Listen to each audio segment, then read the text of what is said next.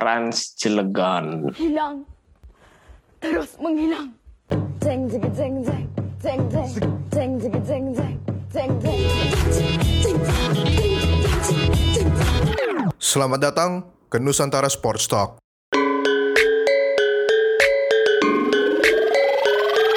Sugeng Rao, mitra pendengar NST, piye kabare?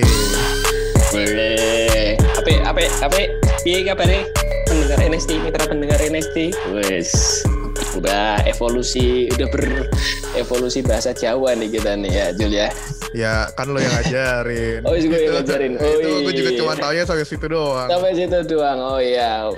So, Sugeng Rawuh mitra pendengar NST uh, balik meneh ning episode telu. Saiki opo wae sing dibahas ning episode iki Jul? Apa aja episode yang kita bahas nih? Eh, ini sih, gue mau bahas Arema Malang nih gimana nih kabarnya di Menpora? Kan lo bilang Hancur. Arema ojo Hancur. kalah ya. Ya ini. Malah Raiso menang kabeh. jadi Aduh, ini tapi tuk- ya. apa tukang sapu-sapu di bawah di basement. Waduh. Cir. Gila itu dalam banget sih, itu dalam banget bener. Eh, tapi ya memang udah ketebak ya eh, waktu episode kedua emang gue bilang Arema agak susah. Wah, lawan terakhir PSIS ya kemarin kan. Iya Iya. tuh. Aduh. Dan Ya, mereka emang- ini ya nomor satu ya di grup PSIS. Sekarang eh, memang kalau lihat permainan sih udah eh, PSIS megang sih kemarin dah lagi-lagi ketahuan sisi lemahnya Arema tuh di mana. Golnya kan gol counter attack semua itu. Gimana ini? Gue Ya. baca-baca pemain pemain asing barunya Arema ini ya mengecewakan. ya. Hmm. Ya kalau mengecewakan sih masih pram- pramusim lah Jul kan. Eh, yang penting jangan kasih dia ekspektasi berat ya. Baru join juga tahun ini. Eh, apalagi masih berapa game tiga game liga kan kita nggak bisa nilai dia dari tiga game itu kecuali misalkan ada apa-apa seperti cedera atau apa ya mungkin ada keputusan lain dari Arema gitu. Jadi gimana nih? Apakah lu jadi pesimis tentang performa di Liga 1 atau ah biarin kan biarin aja lah ini kan cuman piala pramusim gitu. Kalau gue malah senang Arema nggak menang sama sekali. Artinya kan mereka punya apa ya, punya evaluasi. Oke, mereka lemahnya tuh benar-benar di sayap. Di, mereka dihajar habis di sayap walaupun nyerangnya bagus di dari tengah. Tapi ya sama aja ketika lu kebobolan dengan cara yang sama. Berapa kali mereka kebobolan tuh? Enam kali. Enam kali kebobolan dengan cara serang kayak begitu semua kan.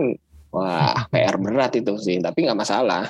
Kalau Liga 1 berapa sih? Berapa game? 18 eh 17 kali 2 34. 34. Ya ah, 34. Masa lu nggak bisa menang satu gitu gitu kan. Eh, ya jangan cuma menang satu doang sih tapi Nah, iya gitu. Tapi mak- maksudnya nggak masa ya nggak nggak menang sama sekali atau enggak lebih dari situ aja kok nggak belajar gitu loh kecuali memang ada sesuatu something wrong ya bisa aja sih benar. tapi intinya nggak boleh lah apa satu tahun ini bisa dikatakan ini musim penyesuaiannya Arema nggak masalah sih buat gue mah Em, ini kalau kita lihat dari Piala Menpora udah ada 6 tim ya yang qualify buat masuk. Udah ada enam tim. Yes, udah ada enam tim. Jadi di grup A-nya nih Semarang sama Barito, ya kan? Iya.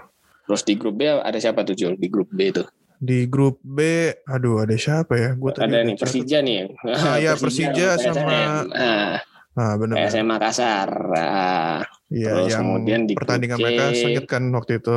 Sengit banget itu. Itu mereka masuk. Heeh. Kalau grup C belum masih ada tanggal Ah. 7 match day terakhir. Nah, ini nih yang seru nih grup C nih. Grup C yang masih bisa ini ya, masih apa? Masih Iya, bisa sikut-sikutan yang di Masih untuk mungkin sikut-sikutan. posisi Ah. kedua ya. Posisi kedua benar, benar Jul. Karena gua ngelihat MU Madura United gua rasa sih udah peluangnya yang paling kecil ya. Mereka kan ini di grup C ada lima tim. Iya. Berarti satu tim main empat kali, MU udah main empat kali, nggak ada yang menang juga. Ya kita lihat hasil pertandingan lain pasti mereka kesikut juga sih MU ini. Menurut lu bakal kesikut Pasti kesikut. karena Karena udah nggak mungkin. chance ya. nggak ada chance mereka nggak main lagi terus kemudian eh, bawahnya MU itu kan Sleman Sleman poinnya sama empat Tapi Ah, baru main dua kali kan.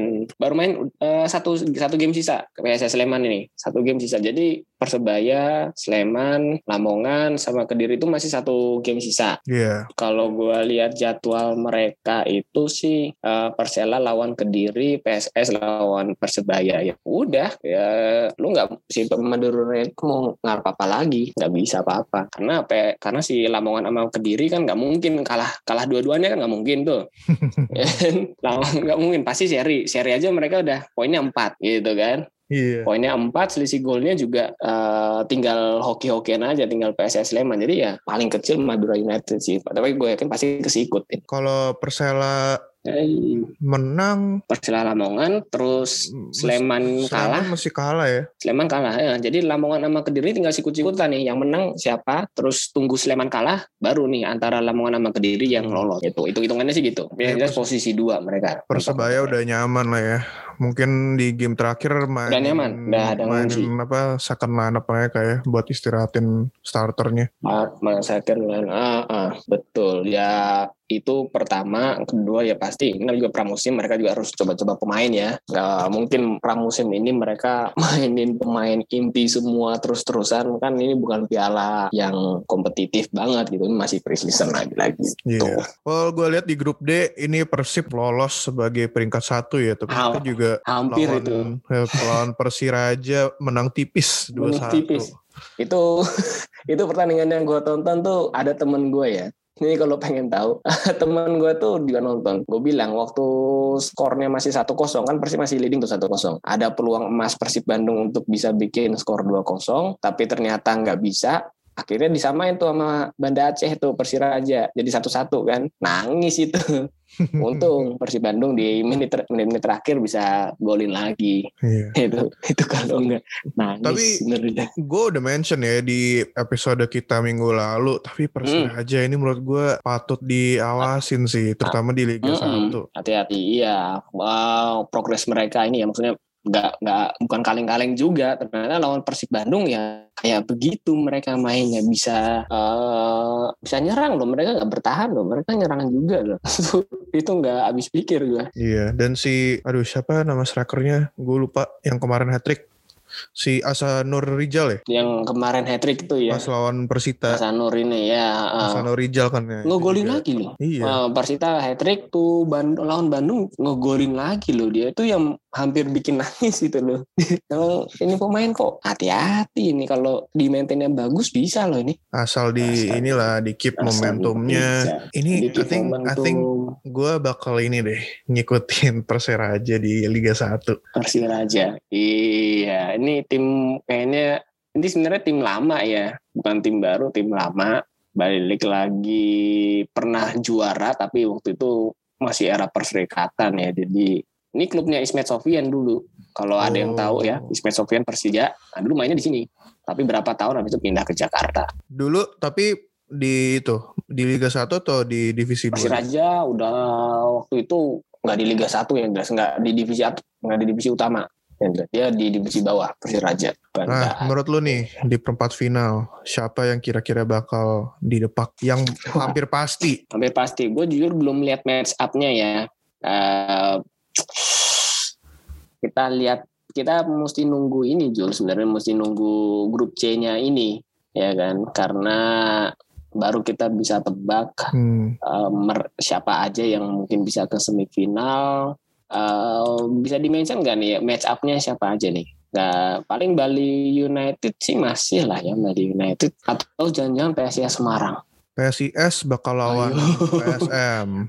Tapi menurut gue ya yang bakal hampir pasti kalah menurut gue sih Barito ya. Karena Barito performance-nya di grup A sendiri nggak meyakinkan gitu. gimana gimana Barito di grup A performance mereka nggak Barito. meyakinkan karena ya sorry to say Hmm. di grup A yang dua tim di bawahnya dia emang lebih jelek lagi gitu Ah iya, apalagi Oke. Arema ya. benar jadi maksudnya kayak dia bisa di peringkat dua Iya, ya karena kacau. emang tim-tim lainnya Dua timnya jelek. benar Iya. ya of course PSIS Hmm, lawan iya, iya, PSM iya. menurut gue bakal sengit sih tapi Bakal Barito sengit. ketemu Iya, Persija terus. ah, aduh menurut gue Habis. Ya benar, gue setuju itu. sama Habis Barito. sih. Berarti baru dua match itu yang pasti ketemu ya. Uh, Iya. Dua match lagi kan belum ketahuan ya. masih Oke. nunggu result dari dari grup C tapi wah sebenarnya yang ketemu ketemu apa tim-tim dari grup D juga ketemu ini ya ketemu tim-tim berat Persib sama Bali United. Iya loh, Persib Bali. Katakanlah satu tuh apa Persebaya udah pasti lolos tuh ya. Iya, asumsi Persebaya Iya, nomor satu Bali bakal ketemu Bali. Bali iya. Terus Persib Bandung, lu tinggal milih nih ketemu. yang jelas, gue bilang nggak nggak mungkin ketemu Madura nggak mungkin. Pasti mereka ke depan Ah. kecuali ada ajaib. Ya mungkin calon lawannya si siapa tadi itu calon lawannya Persib Bandung ini paling gampang juga digebuk. Ya antara Paling itu gampang. berarti ya. Tapi berarti Hmm. emang nggak tahu ya, emang grup distributionnya kurang kurang fair atau gimana ya? Ya mungkin gimana ya? Susah juga. Gue kalau ngeliat alokasi klubnya kan sebenarnya grup A itu Arema, B Persija, eh ya A Arema, B Persija, C Bandung, eh, terus grup eh C Persebaya, D Bandung. Oh berarti basis tim unggulannya itu memang basis yang punya penonton paling gede sebenarnya kan empat tim itu memang basis penontonnya paling gede jadi disebar gitu cuma ya eh, pengikut-pengikutnya ini yang gua nggak tahu dasarnya kayak gimana. Tapi memang sesuai pres apa sesuai prediksi di grup C ini memang eh, di episode pertama karena banyak tim Jawa Timur bener juga nih udah sikut-sikutan dari awal. Tapi hasilnya jadi banyak derby yang main ya. Kalau apa rivalry yang main ya. Kalau dilihat-lihat terutama yang Di Jawa perempat final? Enggak, maksudnya di grup Oh, dan di di ya, bener di grupnya. di perempat final juga Bali United sama Persebaya kalau main dihitung rivalry nggak sih? Dihitung, sekarang dihitung. Karena dihitung. jarak tempatnya dekat. kan ya. jaraknya tem- tempuh dekat terus emang kalau Bali United kan tim yang udah berapa step ke di atas tim-tim lain kemudian Persebaya kan karena nama besarnya juga ya kan terus eh, PS tadi siapa tadi PSM ya eh Persija lawan siapa Persija lawan Barito, Barito. Enggak, ya itu itu bu- bukan PSIS level. lawan PSM Makassar. itu juga bukan sih Iya. ya paling praktis ya Bali lawan Per- Persebaya. Asumsi Persebaya juara grup ya, asumsi itu. Asumsi. Well, anyway, kita Hmm. ngomongin Piala Menpora emang tinggal tunggu result dari grup C aja. Tapi let's move on ke ini nih. Dari, dari kita udah dua minggu ngomongin tim-tim Liga 1, tapi sebenarnya Hmm. banyak pergerakan di Liga 2 kalau kita lihat-lihat.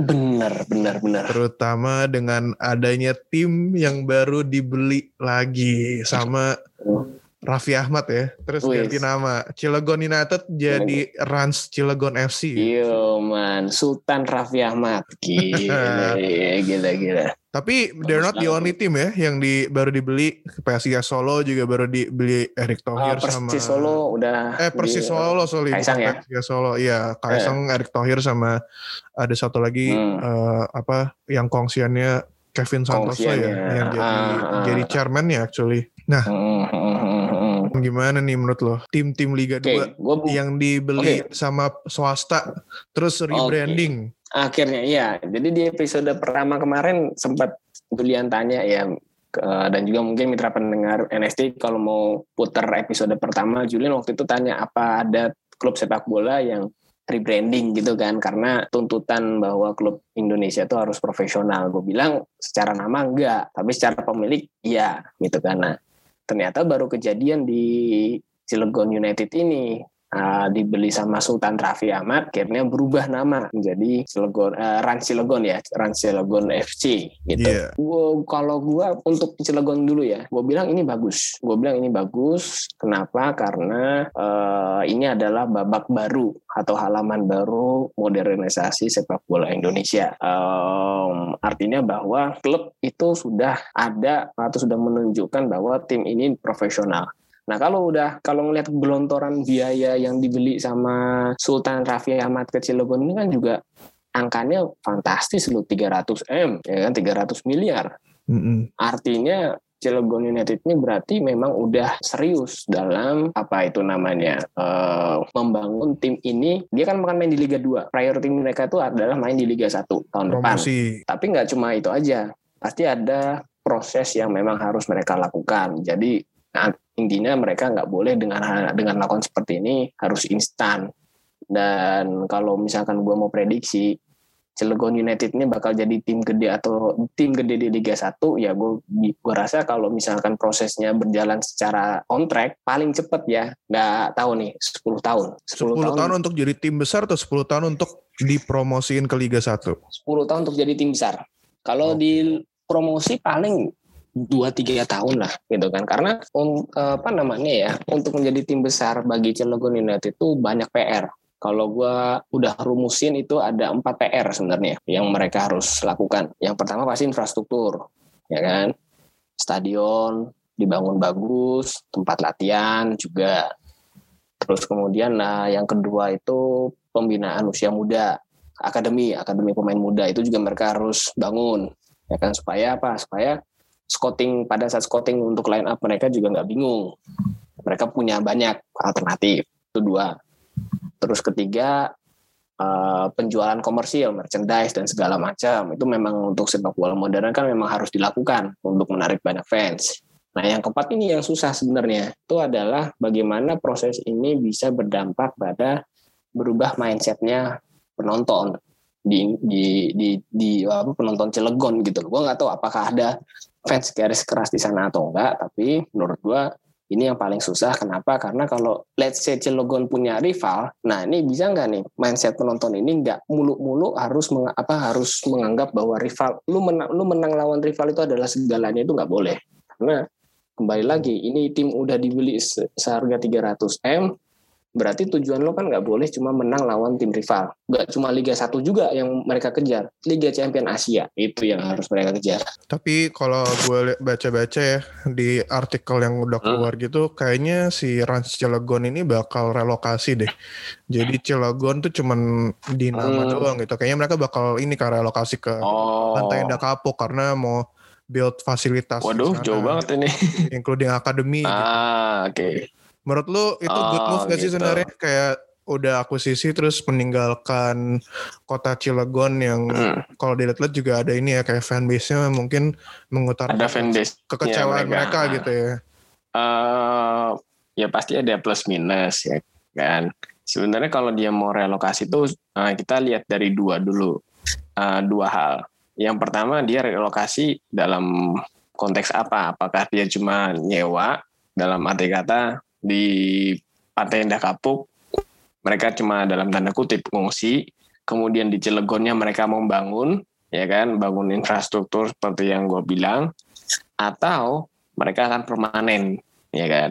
Kalau yang udah-udah uh, biasanya tim yang udah diakuisisi itu mereka udah bukan relokasi lagi mereka udah eh ya relokasi dan meninggalkan kota aslinya gitu. Contoh aja itu Bali United. Bali United itu gue kalau nggak salah hasil akuisisi dan akhirnya tim dari Kalimantan itu udah nggak ada lagi pindah ke Bali United. Nah, kalau misalkan Cilegon United melakukan hal tersebut yang artinya mereka akan menetapkan uh, home base mereka di Pantai Indah Kapuk, ya udah Rans Cilegon ya tinggal nama dan mereka pasti berubah namanya. Jadi apa coba tau nggak lo?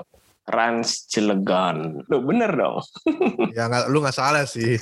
Nah, tapi kan maksudnya mungkin tujuan mereka pindah ke PIK yang ada di Jakarta itu ini karena marketnya lebih besar gitu. Mungkin mereka target Rans Cilegon ini bisa jadi tim yang big market gitu. Menurut lu gimana? Karena kalau di Jakarta sendiri kan hmm. yang tim profesionalnya yang di Jakarta cuma Persija kan gitu. Mungkin mereka melihat ada Persija, iya. Ada market uh, yang mereka eh, bisa hmm hmm. masuk gitu. Terutama dengan investasi yang besar kan kalau lo hmm. 300 miliar gitu. Pasti. Oh ya kembali lagi itu kan pilihannya si Raffi Ahmad ya kan. Uh, Raffi Ahmad Entertainment begitu mereka melakukan relokasi ke Jakarta. Nah ini masalahnya mereka melakukan relokasi yang ke daerah yang dalam tanda kutip ya. Uh, kalau kita bilang sepak bola Jakarta kan udah pasti Persija. Dulu itu masih ada Persitara Persija Jakarta Utara, Jakarta Utara, nah kan. Jakarta Persitara aja juga gue udah nggak tahu di mana itu klub, udah nggak ada lagi. Nah sekarang kalau misalkan pertanyaannya dibalik lagi, ini good move atau enggak? Ya seperti yang gue bilang di awal, eh, mereka bakal bisa menjawab itu di 10 tahun dari sekarang. 10 tahun dari sekarang mereka bisa jadi good uh, big team, ya derby Jakarta bisa aja ada di situ. Well, gue lihat sendiri nih Persitara sih mainnya di, di, di Liga 3 ya. Liga 3 ya. Ah, oke di Liga 3. Stadionnya masih ada juga tuh di mana tuh di Kapuk. Eh Iya, Muara. Karang, sorry sorry bukan di Kapuk. Liga 3 maksudnya ya inilah ya mereka luntang lantung. Jadi masih Amin kayaknya gue Iya pernah udah orang, lontang lantung orang Jakarta bahas fans Persitara. Persitara gitu ya. Yang gue tahu ya fans fans. Persija. Ada sebenarnya North Jackmania. Nah North Jackmania itu lucu lagi. Ini nggak nggak nggak abusing atau apa ya. North Jack itu kan adanya di Jakarta Utara. Itu hebat karena timnya itu udah nggak ada sebenarnya. Bisa dikatakan timnya udah nggak ada tuh. Udah nggak jelas nasibnya. Tapi kalau misalkan mereka ribut masih ada loh di mana-mana loh. Serius. Ribut Eh kalau ribut masih loh, masih ada ribut-ributnya loh. Padahal timnya udah nggak ada. Iya kalau misalnya Persija main, Jadi mereka inilah ya. kalau Jadi hmm, kalau ada di mereka nggak bentar, bentar. Mereka tuh pro Persija atau kontra Persija? kontra pasti, Oh kontra. kontra, iya. Jadi mereka temenan dong sama pe- Iya. fans Persib. Nah itu gue nggak tahu kalau hubungannya sama Persib gue nggak tahu tuh. Karena kan the enemy of my enemy is my friend gitu. Wih, tapi bisa aja sih. Gila. Ini Ya. udah bukan cinta segitiga lagi itu. Golok segitiga itu dia. Udah sikut-sikutan mana-mana itu. Tikam-tikaman. Enggak, justru golok segitiga tapi ini apa segitiga sama kaki. Jadi dua-duanya mengarah ke Persija. Wah. Persija. Waduh. Wah, gue sih angkat tangan. Gue udah nggak berani. eh ini ini kalau kalian fans Persija yang denger ini ya Mas ini bercandaan aja.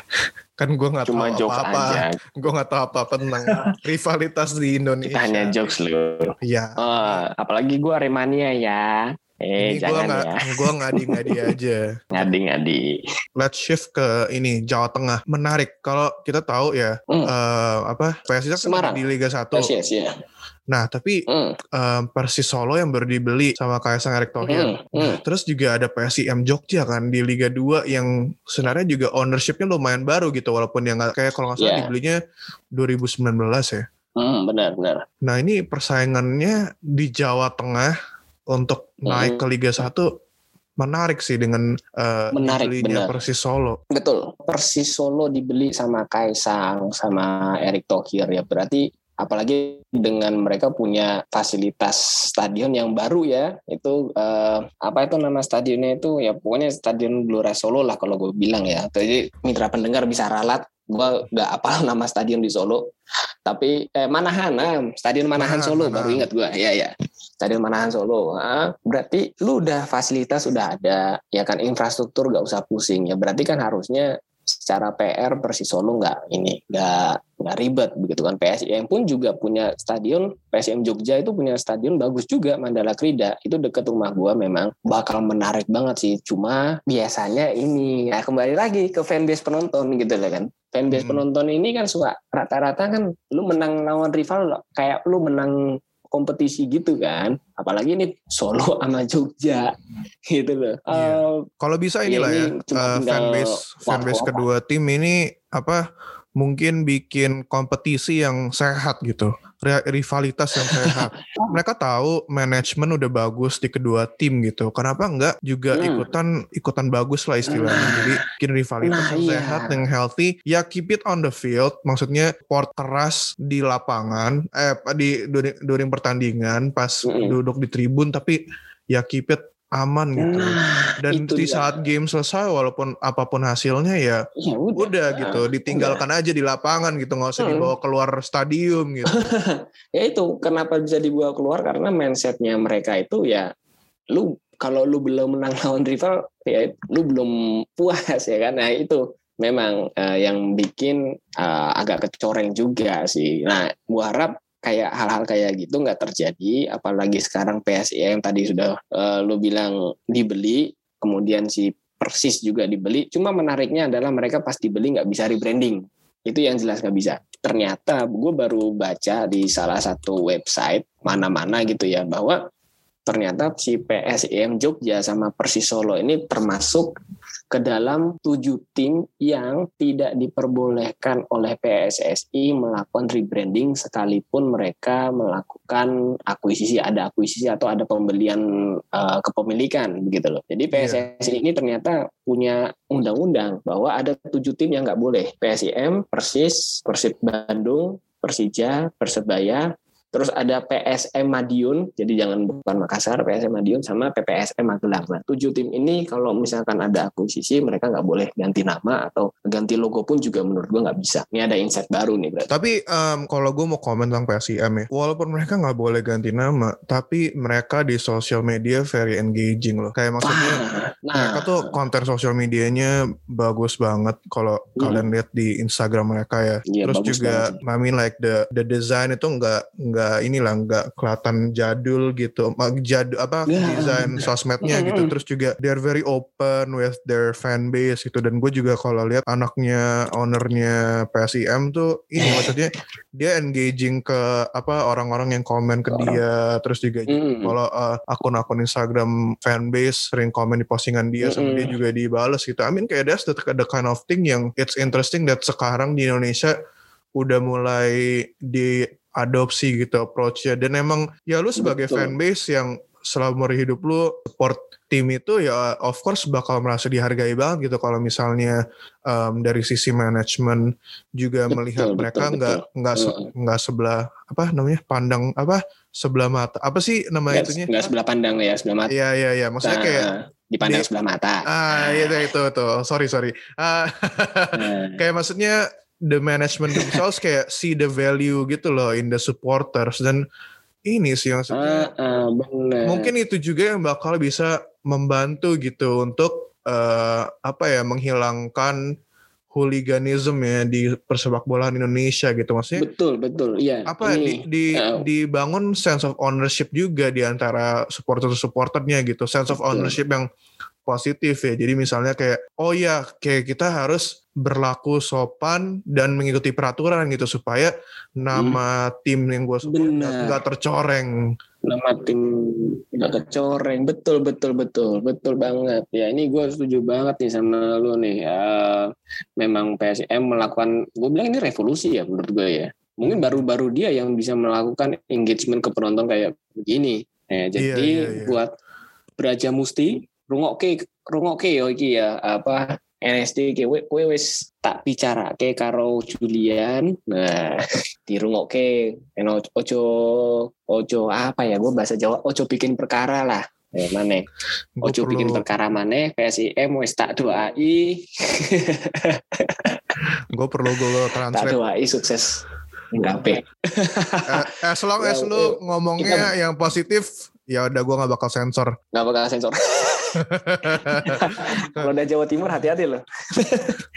Soalnya kan si Alderwan ini sering gue sensor di post editing rekaman episode. baru satu loh baru satu ya baru satu. Eh, itu yang lo tahu. Oh banyak tuh. Ya kan banyak yang gue buang gak gue kasih tahu. Anjir. Ah, lu juga gak sadar kan pas dengerin Eh, rekam- iya. apa, apa Wah. yang, pas, yang di post di Spotify-nya oh iya bener. Ah mulut santun sekali. Pasti orang-orang yang kalau nggak yang nggak kenal lu ya pasti kira oh ini ini Wah, apa? Orang- sopan. sopan orangnya. banget. Tapi orang-orang yang kenal lu bakal juga bingung kok dia sopan banget? Di, di reka apa di, di podcast ini gitu. Hmm, ini nggak nggak nggak perlu gue bocorin di belakang dapur ini kan? Ya jangan dong. Tunggu kita tunggu kita apa terkenal dulu. Jadi fan Oh apa, iya, kalau siap, kehilangan siap, siap. setengah pendengar masih bisa survive aduh sayang banget kalau sekarang kehilangan Ah. setengah pendengar udah Pak minggu Aduh. depan udah nggak keluar Ah. episode baru keluar episode lagi dan didikik kita nih sama Chief Nah bener, lu, awal lu sih yang di kick. Kalau Oh, gue sih aman-aman aja. ah, iya ya gimana nih gue Itu aja tentang persepak bola Indonesia minggu ini. Kita tunggu hasil Hmm. dari grup C biar tahu Piala Menpora eh perempat final siapa aja yang main antara grup C sama grup siapa D. mau ketemu siapa betul Ya, ini berarti kompetisinya bakal Mm-mm. selesai sebelum puasa mulai ya? Bener nggak?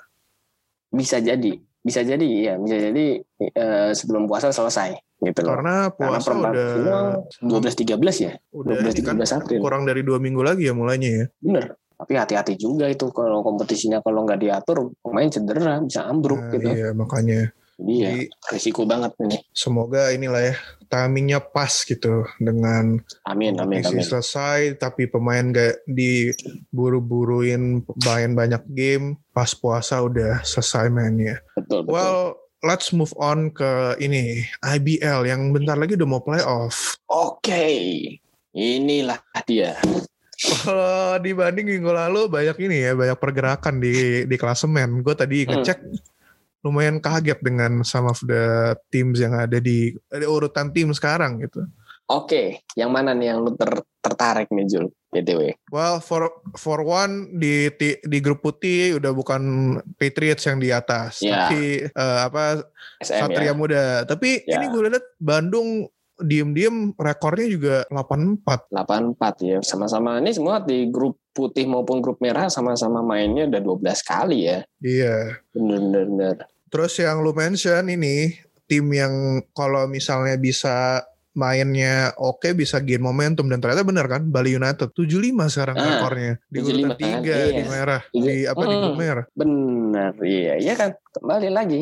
Kalau mereka jaga momentum bisa. Nih mereka ini gue nggak tahu ya eh, jadwal mereka nih eh, dari catatan gue, eh, mereka nih pertama bakal ketemu Louvre. Jadwal mereka nih, upcoming mereka ya. Pertama lawan Louvre, kemudian kedua lawan Prawira, kemudian lawan Amarta, lalu yang terakhir dia bakal lawan SM. Nah berarti kan gambling mereka tuh ada di game kedua sama game ketiga. Gambling mereka itu yang lama yang lawan Prawira sama lawan si Amarta. Mereka Iya. menang di dua laga itu sih Lah inilah ya apa nyaman gitu masuk ke playoff. bisa nyaman. Hmm. Bagus lagi kalau nanti game pertama lawan Louvre mereka udah menang, oh udah langsung loncer mereka. At least inilah at least kompetitif gitu. Karena ya Mm-mm. Louvre kan maksudnya eh tapi ngomongin Bali, Louvre, Bali, Bali, Bali. Enggak enggak iya I know tapi maksudnya eh, Bali kalau bisa kompetitif sama Louvre itu mungkin inilah bisa walaupun kalah tapi kalau pertanding skornya beda tipis bisa jadi ini apa moral boost gitu buat pemain-pemain Bali. United gitu. Moral boost, bener, bener. Iya, bener, bener. Tapi banget. tapi saya gue dikit tentang Louvre. Gue Eh? minggu la, di episode minggu lalu kan bilang mereka menurut gue clear cut nomor 2 Tapi besoknya dibantai sama Pelita Jaya. Gue kaget, itu gue kaget bener. Itu apa bukan setelah eh, itu mereka mainnya keesokan hari habis kita rekaman ya jadi se- sehari sebelum kita rilis episode nomor 2 tapi mungkin Langsung ada begitu. ada bayangan hitam Pelita Jaya di rekaman kita yang tiba-tiba Lo kalau sampai main jelek Pelita Jaya nih ya. gitu bener. Ini kayak ada mata-mata Pelita Jaya ini kayak makanya mereka bisa ngebantai Louvre berapa tuh skornya? Masih tega nggak lo nyebutnya? Gue sih nggak tega nyebutnya. Udahlah itu tinggal dicek sendiri aja. Tinggal dicek aja ya. Bedanya kayak kalau misalkan di take apa di tanggal take video ini nih eh, jauh lebih gimana ya gue nyebutnya? Louvre ini sama kayak GSW dibantai sama si Toronto oh iya. Toronto gila itu itu gila. Tapi Sama si Louvre kan ya. nggak ada nggak ada si ini kan nggak ada Jemar pas lawan Pelita Jaya Iya. gitu. Cuma gini Jul lu nggak mainin Jamar ya harusnya lu nggak kebantai kayak gini juga gitu loh. Kalah kalah. Gitu. apa yang masa nggak?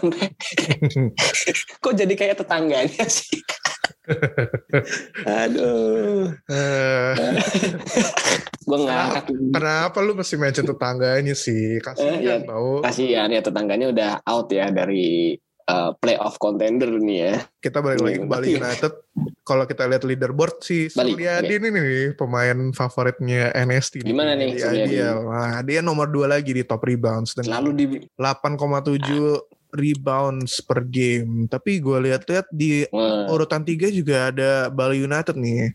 Ponsiano si coming Ponsiano, ya iya. coming coming Mungkin Bal- Bali United ini apa ya? Low key defense-nya mungkin oke gitu. Mungkin bukan defense ya, mungkin lebih kayak mereka uh, they're pretty good at generating turnover gitu. bisa bisa benar benar Eh, kalau gua sempat lihat beberapa sampel permainan Bali United ya transisi mereka ini memang dimulai dari rebound. Pergerakan bolanya itu kayak Brooklyn Nets-nya Steve Nash. You just need 10 second from you just need 10 seconds from offensive transition and score. Itu. Ah, itu iya, iya. cepet banget Bali United Ya kayaknya Suryadin kayaknya dengerin podcast kita juga ya. Kemarin sempat kita mention hilang kan Suryadin. Eh sekarang muncul lagi event dia nomor dua. Nih kayaknya banyak yang dengerin kita nih kayaknya asik banget. GR, GR. Lu apresiasi lo itu, apresiasi lo itu. Enggak, lu nya GR. Oh iya. Cocok loginya, ilmunya tinggi. Oh iya deh. Nah, tapi kita kita ngomongin sekarang nih besok kejadian suka lo, suka kejadian gitu kan? Uh, ya we'll see lah gimana Iya sih, pro- nanti. apa ya minggu ini gitu. Mm. Tapi iya Bali United kalau dilihat-lihat ini sih kalau lagi on fire mungkin bisa bisa compete ya with the Bisa. best teams gitu. Tapi ya ini masalahnya dengan apa maksudnya kalau lu bilang transisi yang cepat itu juga shotnya lagi nggak masuk bisa jadi ini detriment gitu buat mereka gitu karena mereka terburu-buru nggak bisa lihat situasi Ah, Terus bener panik, itulah. Apalagi Yes. tim yang muda, inexperienced. Bener, bener, bener. Nah, BDW soal yang itu tadi lu bilang, buru-buru apa segala macam. Di, harusnya ini gue ngomong di episode 2, tapi gue baru di episode 3. Lu merasa ini nggak, Jul? Di setiap pertandingannya regular season, itu hampir semua tim full court defense-nya.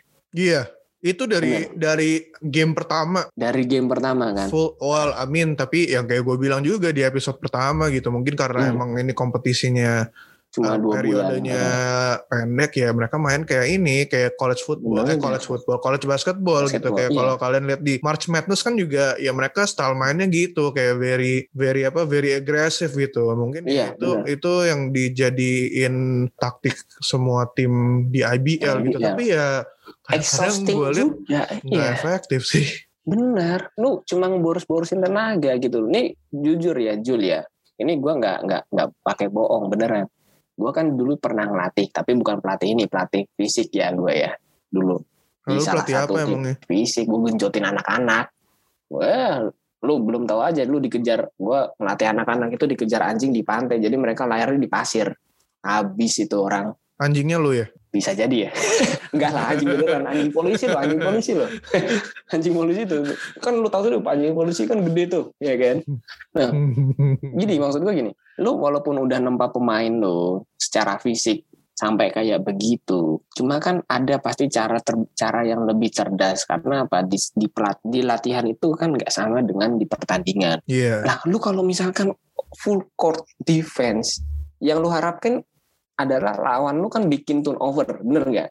Mm-mm. Atau kalau misalkan dia nggak bisa bikin turnover, nggak bisa bikin poin gitu, ya kan? Tapi begitu abis mereka full court, pada saat mereka dapat possession, tapi juga mereka nggak bikin poin, ya kan namanya tuh buang-buang tenaga banget gitu loh. Iya. Ya, Terus di di quarter 3 udah kendor, nggak bisa ngapa-ngapain. ah, ya kan, kaki lu gemeter, tremor, ya kan? Latihan. Terus nanti yang disalahin pelatih fisiknya, lu ngapain pelatih fisik kok quarter ketiga nggak begini? Ya gue bisa ngomong apa kalau udah kayak gitu kan?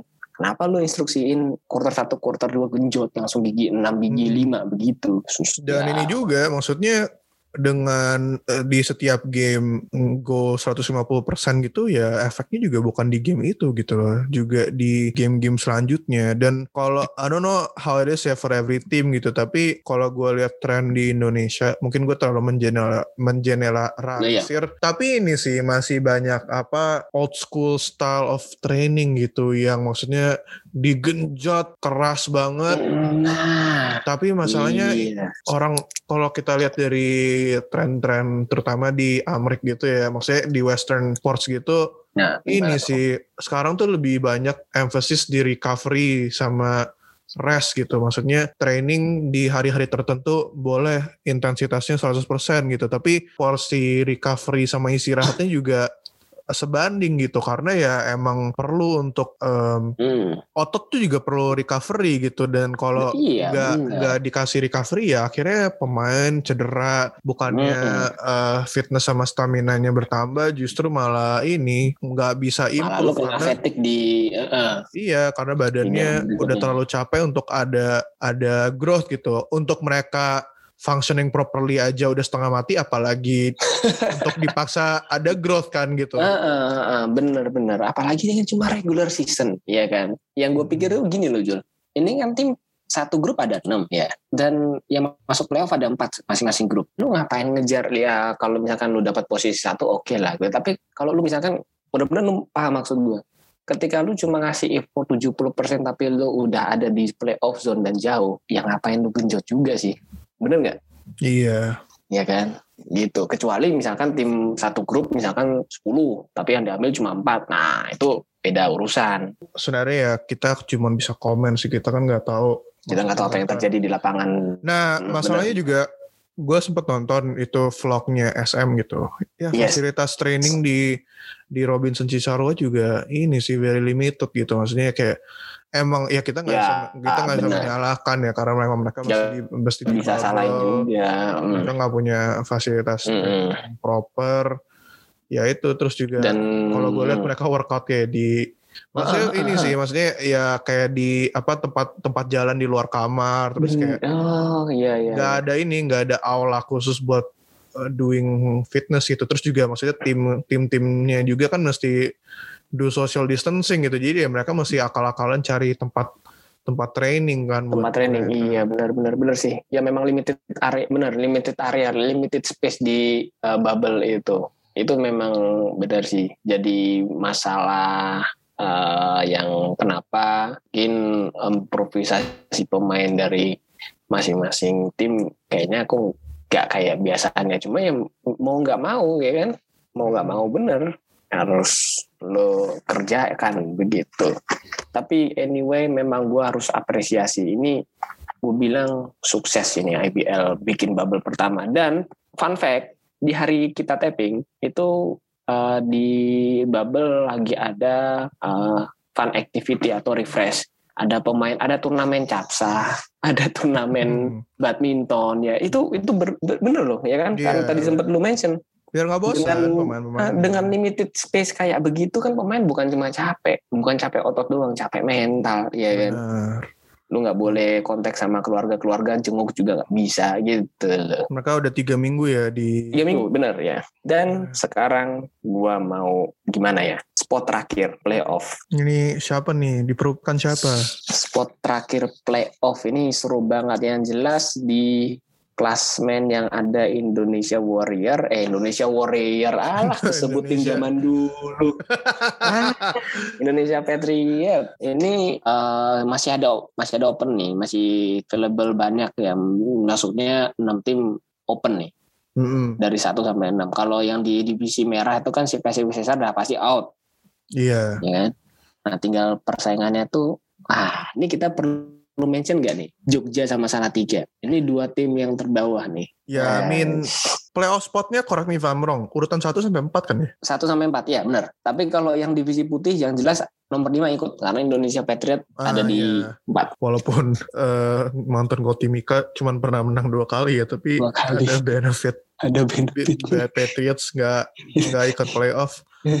Nah itu yang gue mention minggu lalu. iya Kayak misalnya nih, lihat kayak Satya Wacana, rekornya kan lebih bagus daripada apa. N- NSH gitu. Tapi karena dia di grup merah ada kemungkinan nggak nggak bisa masuk kan. Iya, iya, iya, iya, benar, benar, benar. Em, susah juga sih ya. Tapi kalau misalkan ada satu tim, apa perlu nambah satu tim lagi nih IBL nih. Jadi eh, benar-benar yang semuanya bisa open ke playoff gitu. Jadi Indonesia Patriot ya buat tim-tim inilah, buat sparring-sparring iseng aja. Atau Iya mungkin benar. ya ini sih, ya maksudnya kayak kalau dari grup sebelah, maksudnya yang potnya Indonesian Patriots tuh diisi dengan tim yang rekornya paling bagus di antara tim-tim yang tersisa. Menurut gue sih that's the best case ya gitu. Karena juga Hmm. ini mainnya di bubble kan, nggak ada kayak Bubble, traveling, traveling segala gitu. Nggak perlu apa, nggak ada main lawan Hmm. rival divisi yang terlalu bagaimana gitu. Oke, gue mungkin mention dulu nih Indonesia Patriot schedule mereka ya lawan SM, lawan Cesar,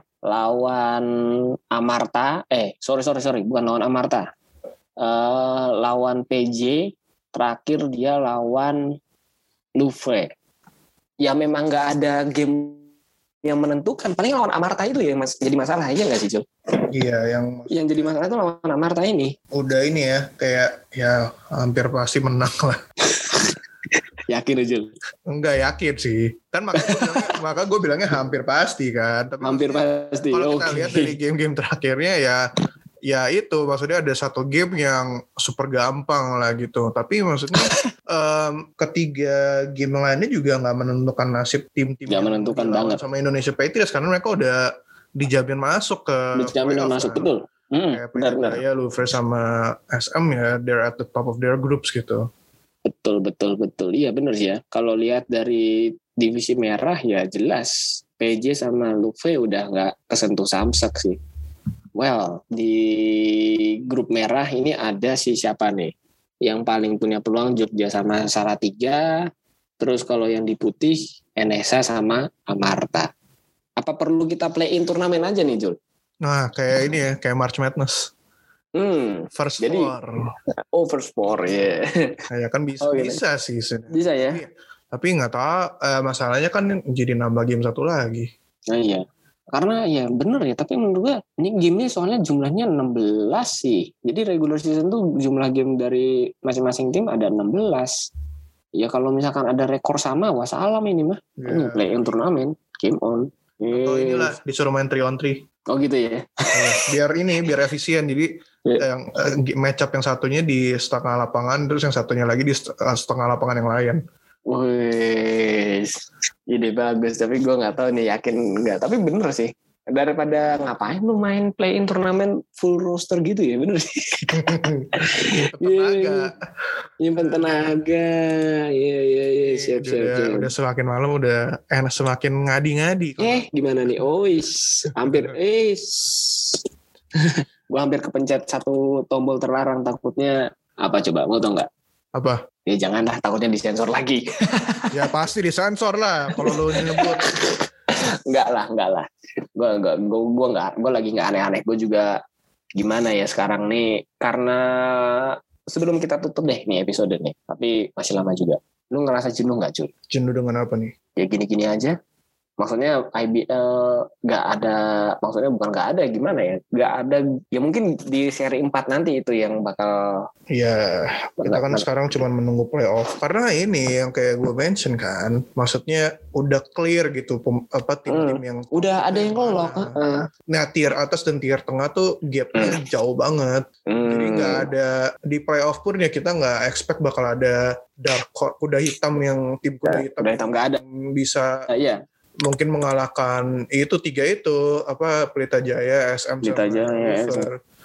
Luver. benar-benar lu iya Mungkin biar Oh. nggak jenuh kita perlu ini sih update perkudaan Indonesia. perkudaan weh gila perkudaan ya ya ya ya Udah basi, Udah- udah, basi, basi, udah udah, udah, udah. soalnya ya karena gini ya tadi gue bilang kenapa gue jenuh sekarang ini karena di Indonesia baru bola sama basket yang main ya Mm-mm. iya nggak sih badminton Juga nunggu Kayak Olimpiade begitu. kan. Olimpiade nanti. Volley paling yang heboh sampai sekarang adalah Aprilio Perkasa menganak.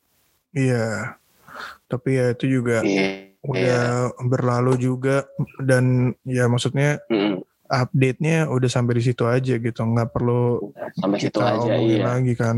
Yang penting kita sekarang ngucapin ke Aprilio Perkasa itu adalah selamat, sukses buat kehidupan baru, ya kan? Mungkin ini adalah jalan lu. Gue pernah ketemu sama dia, ya ya udah itu adalah pilihan hidupnya dia. Terima kasih. Gimana nyebutnya nih? Nama sekarang atau nama dulu? Nama, sekarang ya. Sekarang. Nama sekarang ya. Oke. Iya. Gua- Terima kasih ya kita- untuk kontribusinya mewakili selama ini. Eh, di SEA Games 17, Asian Games.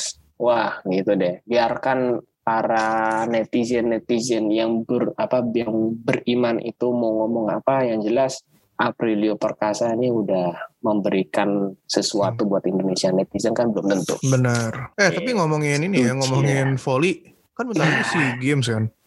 Hmm, Oh yang SEA Games di Vietnam, betul ya ya ya. Iya. Iya. Nih, tapi apa Pro Liga volley nggak jalan, tapi timnas apakah masih bisa? Mereka menang medali emas kan ya di SEA Games terakhir ya? Eh, yang cowok medali Yang emas, cowok. yang cewek medali perunggu. Yang cowok medali emas ya. Nah, ini Hmm, interesting sih. Susah ya. gimana, Interesting. gimana mereka. gue nggak tahu uh, gue nggak tahu gimana sih uh, volley di negara lain ya. Yang jelas di Indonesia gue belum ada lihat ada tanda-tanda mereka memulai. Kalau misalkan mereka mulai gue pastikan jamin setelah lebaran. Oh, karena nggak ada game yang ngapain dibahas juga? Gitu gak sih ya ini lah ntar lah pas sudah deket-deket si game Nah, sudah deket-deket. baru kita bahas. Nah, tapi ya nah, keep kita keep bahas. that in mind gitu kayak uh, volley, Volley ya. ntar timnas akan bertanding. Mm-mm. Em, tapi itu aja kali ya for our episode this week gitu. Maksudnya ya emang, Karena memang- dibanding pas episode 2 nggak banyak yang karena nggak banyak sih nggak iya. banyak yang seru-seru banget sih. Ya actionnya itu itu aja itu itu lagi gitu. Ya, ya, itu, paling itu lagi. paling ya berita seru paling seru ya ini apa berita paling heboh apa si Raffi Ahmad akuisisi Cilegon United. Mm-mm, bener aku sih ya good luck to Cilegon. Oh gue hampir bilang Cilegon United tapi good luck to Rans Cilegon FC sebagai salah satu tim Liga 2 yang baru diakuisisi dan juga Persis Solo. Terus Hmm. juga PSG Pati sama PSIM Jogja juga good luck season kalian yang mendatang supaya semoga Hmm. bisa kompetitif dan dipromosiin ke Liga 1. I think Amin. itu aja ya dari NST untuk episode Siap. ini. Any last words, Alderwan? hmm, apa ya Kalau nggak ada udah Apa nggak nih? usah. nggak usah nggak usah Nggak usah. nggak usah nggak ada gue lagi nggak ada nih Ya, udah. Gak usah, gak usah dipaksain. iya Alright, itu aja dari NST untuk minggu ini. Mm-mm. See you guys. Wah, bukan see you guys. See you mitra, Mitra pendengar. Nah, sebentar lu lu lu bikin komitmen yang bener juga lu Jul Apa? lu tadi nyapa pakai bahasa Jawa lu terima kasih pakai bahasa Jawa ayo Oh coba iya, oke gue coba ya. Satu, Iya. dua, tiga. Woi, Matur suwun mitra pendengar NST. See you guys in the next episode. woi, bye thank you Bye.